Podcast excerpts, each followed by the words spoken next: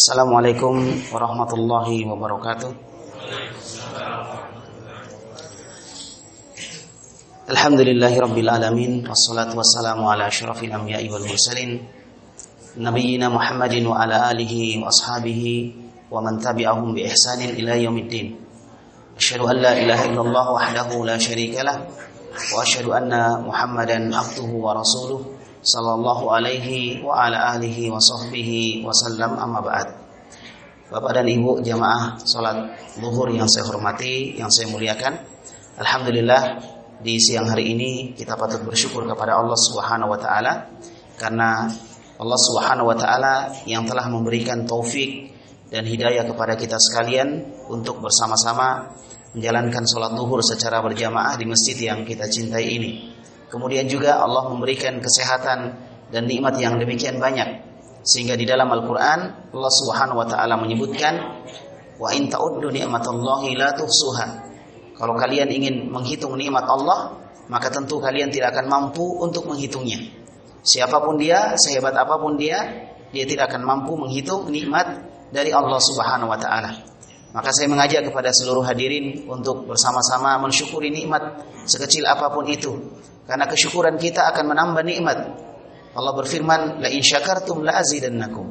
Kalau kalian mensyukuri nikmat, maka sesungguhnya aku akan menambahnya. Maka mari kita tambah nikmat yang banyak ini dengan yang lebih banyak lagi dengan cara bersyukur kepada Allah Subhanahu wa taala. Bapak Ibu sekalian, kemudian yang ketiga insyaallah di siang hari ini kita akan lanjutkan kembali uh, pembahasan kitab Bulughul Maram dari Kitabul Jami' dan kita akan membahas tentang uh, apa menutup aib sesama muslim. Ini sebenarnya satu bagian dari beberapa hadis atau beberapa perkara yang disebutkan dalam hadis ini. Hadis yang diriwayatkan oleh Imam Muslim dari Abu Hurairah radhiyallahu an Abu Hurairah mengatakan qala Rasulullah sallallahu alaihi wasallam. Telah bersabda Rasulullah sallallahu alaihi wa ala alihi wasallam. Rasulullah bersabda man naffasa an mu'minin kurbatan min kurabid dunya naffasallahu anhu kurbatan min kurabil yaumi min kurabi yaumil qiyamah.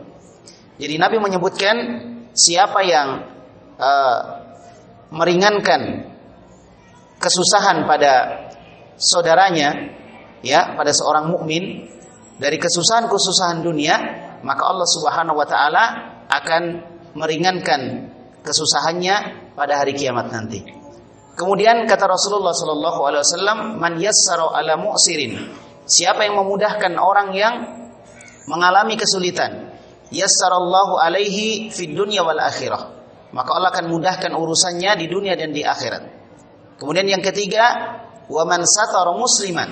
Siapa yang menutup aib seorang muslim, satarahullahu fid dunya wal akhirah. Maka Allah akan menutup aibnya di dunia dan di akhirat. Yang keempat, wallahu fi aunil abdi, maka al abdu fi auni akhi. Allah akan senantiasa menolong hamba-hambanya selama hamba itu menolong saudaranya. Ini empat perkara insya Allah akan kita jelaskan secara ringkas di pertemuan kita di siang hari ini. Jadi yang pertama yang disebutkan oleh Rasulullah Sallallahu Alaihi Wasallam, man nafasa an mu'minin kurbatan min kurabid dunia. Siapa yang meringankan kesulitan atau kesusahan pada seorang mukmin dari kesulitan-kesulitan dunia, nafasallahu anhu kurbatan min kurabil yaumil kiamah. Maka Allah akan meringankan akan apa namanya memudahkan urusannya nanti kesulitannya nanti pada hari kiamat. Jamaah kaum muslimin yang saya hormati dan saya muliakan, ini balasan untuk orang-orang yang selalu meringankan beban orang lain. Tentunya setiap orang tidak memiliki nasib yang sama. Ada orang yang kebetulan beruntung mendapatkan kebaikan, kebahagiaan dengan harta yang dia miliki atau dengan jabatan yang dia miliki atau dengan kondisi yang baik yang dia miliki.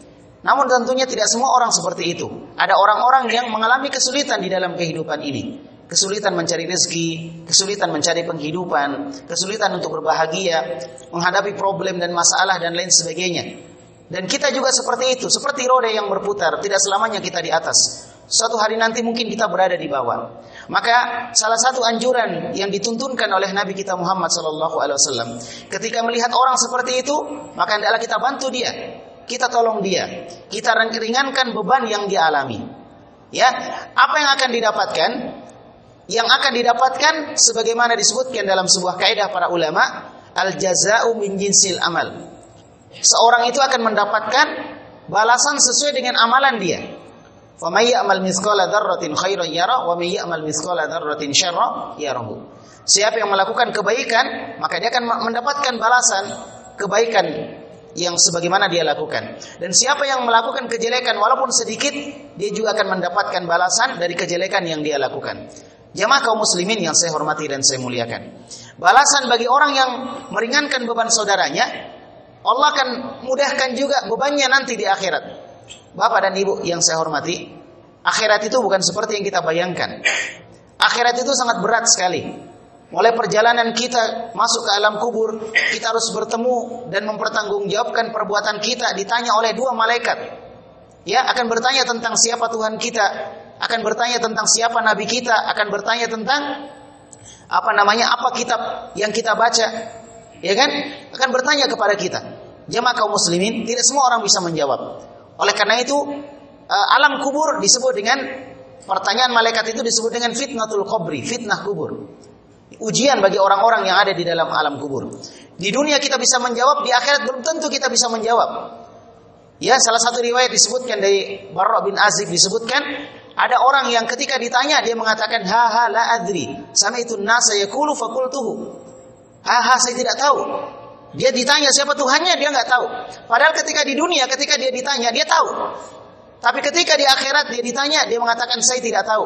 Saya pernah mendengar manusia mengatakan sesuatu kemudian saya ikut mengucapkannya tapi sekarang saya tidak tahu. Bayangkan, ini fitnah kubur. Namun jemaah kaum muslimin, kegembiraan bagi orang-orang yang senang membantu saudaranya di dalam kesulitan, Allah akan memudahkan kesulitannya di alam kubur. Allah akan mudahkan kesulitannya pada hari kiamat nanti. Allah akan mudahkan kesulitannya ketika dia harus berhadapan dengan Allah dan berbincang langsung dengan Allah untuk mempertanggungjawabkan perbuatannya.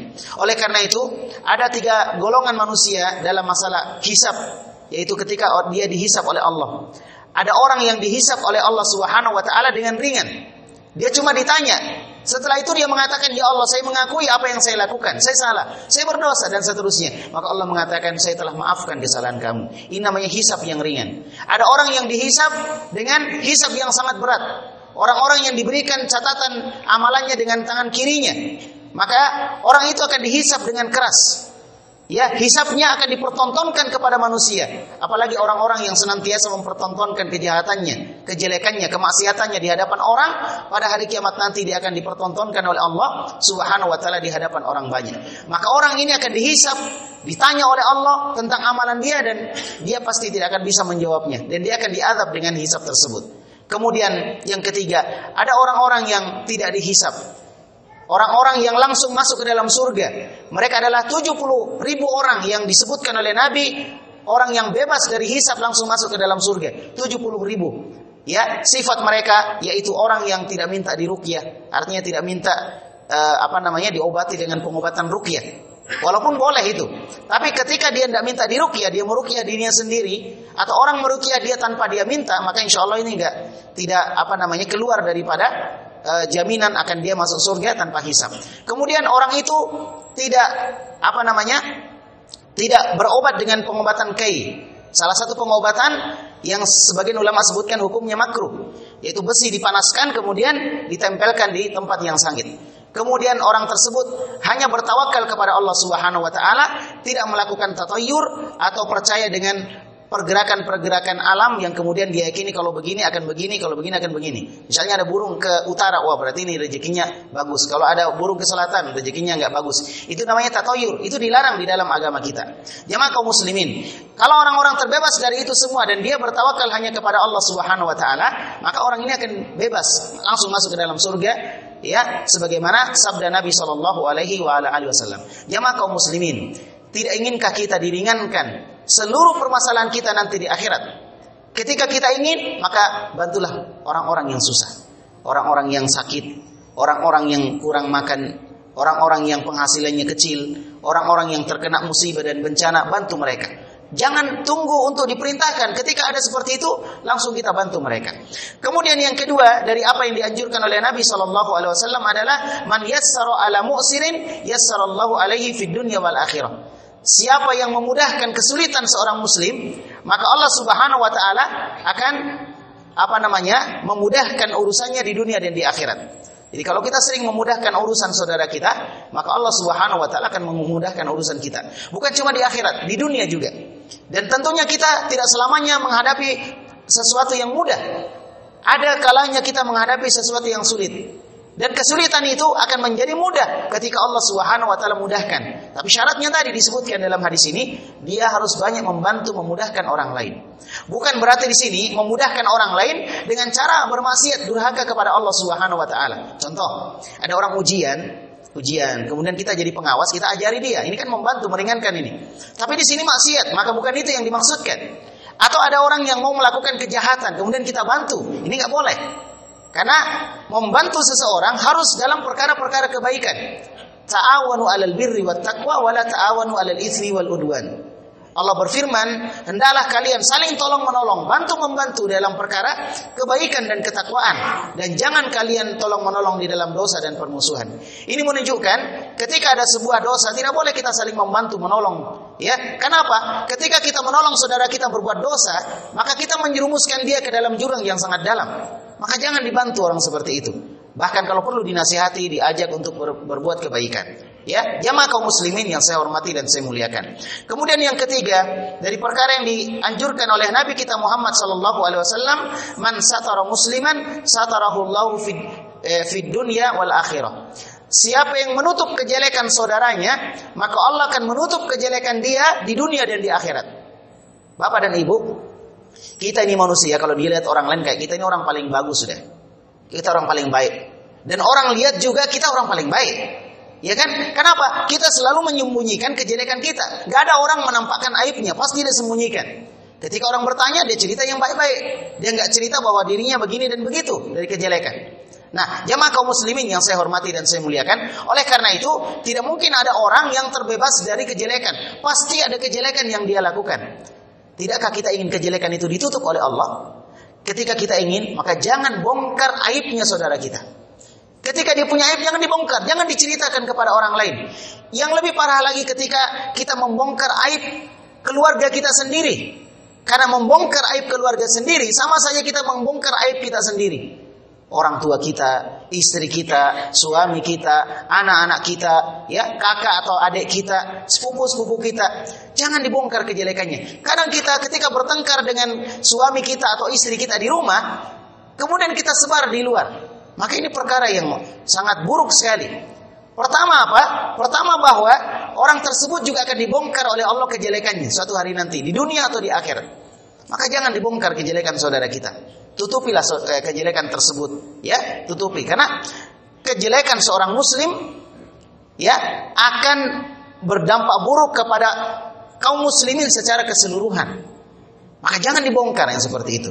Kejelekan-kejelekan dia aib-aib dia yang tidak pantas untuk diceritakan kepada orang lain maka jangan diceritakan kejelekan-kejelekannya. Jamaah kaum muslimin ketika ada berita sampai kepada kita jangan langsung percaya ada orang cerita tentang kejelekan saudara kita, jangan langsung percaya.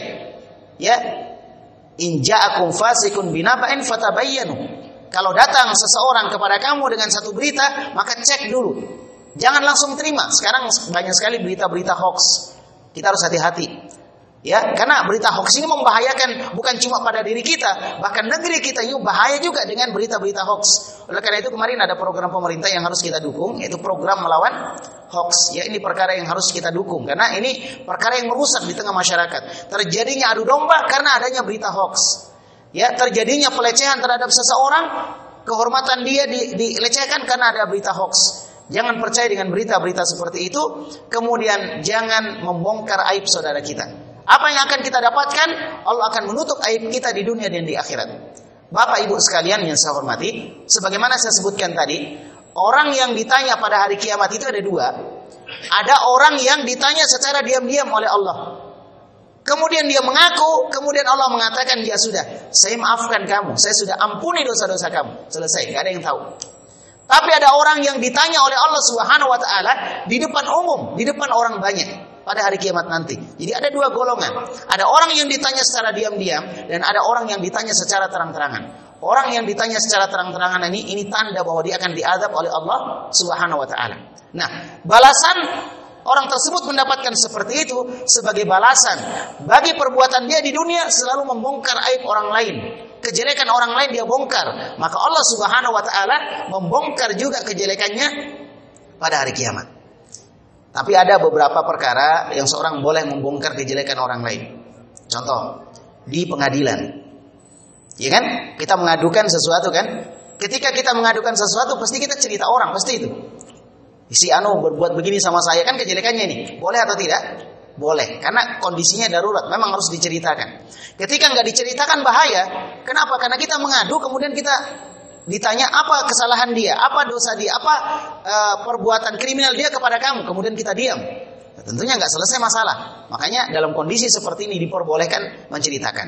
Atau seorang suami, seorang istri yang ingin meminta nasihat kepada seorang ustadz, seorang guru, ya kan? Mau tidak mau dia sudah ceritakan suaminya, ya, dari supaya orang itu bisa kasih masukan. Tentunya orang seperti ini orang yang bisa dipercaya kita cerita kepada dia. Jangan orang yang tidak bisa dipercaya. Nah, dalam kondisi-kondisi seperti ini nggak ada masalah.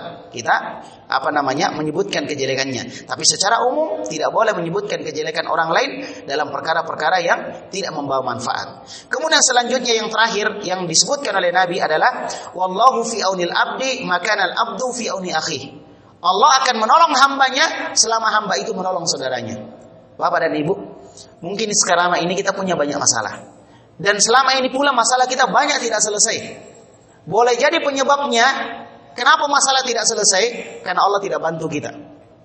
Kenapa Allah tidak bantu kita menyelesaikan masalah? Karena kita juga jarang membantu saudara kita apa namanya menolong atau membantu dia sehingga Allah Subhanahu wa taala memberikan balasan dengan tidak membantu kita. Maka semoga dengan kita banyak membantu saudara kita, menolong mereka, ya, ketika dia butuh utang kita ada uang kasih. Ya tanpa bunga tanpa apa pokoknya berapa dipinjam itu juga yang kembali. Kapan dia mampu bayar? Ya kalau kita misalnya mampu beri bantuan kepada dia. Ada orang miskin nggak perlu diminta kita kasih.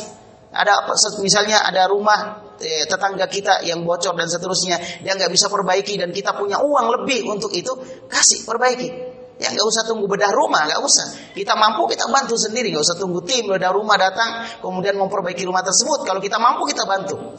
Insya Allah siapa yang sering membantu saudaranya, Allah akan bantu dia ketika dia dalam kesulitan. Logikanya seperti ini. Kalau misalnya kita ada orang sakit, setiap ada orang sakit kita jenguk, kita bantu, setiap ada orang susah kita bantu.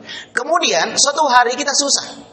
Orang-orang pasti cerita, oh itu si bapak anu yang biasa bantu kita yang sakit. Oh bapak anu yang biasa bantu kita yang ada masalah. Kira-kira orang yang yang cerita-cerita tersebut ada keinginan bantu nggak? Ada keinginan bantu. Oh dia yang pernah bantu saya. Oh dia yang pernah jenguk saya ketika sakit.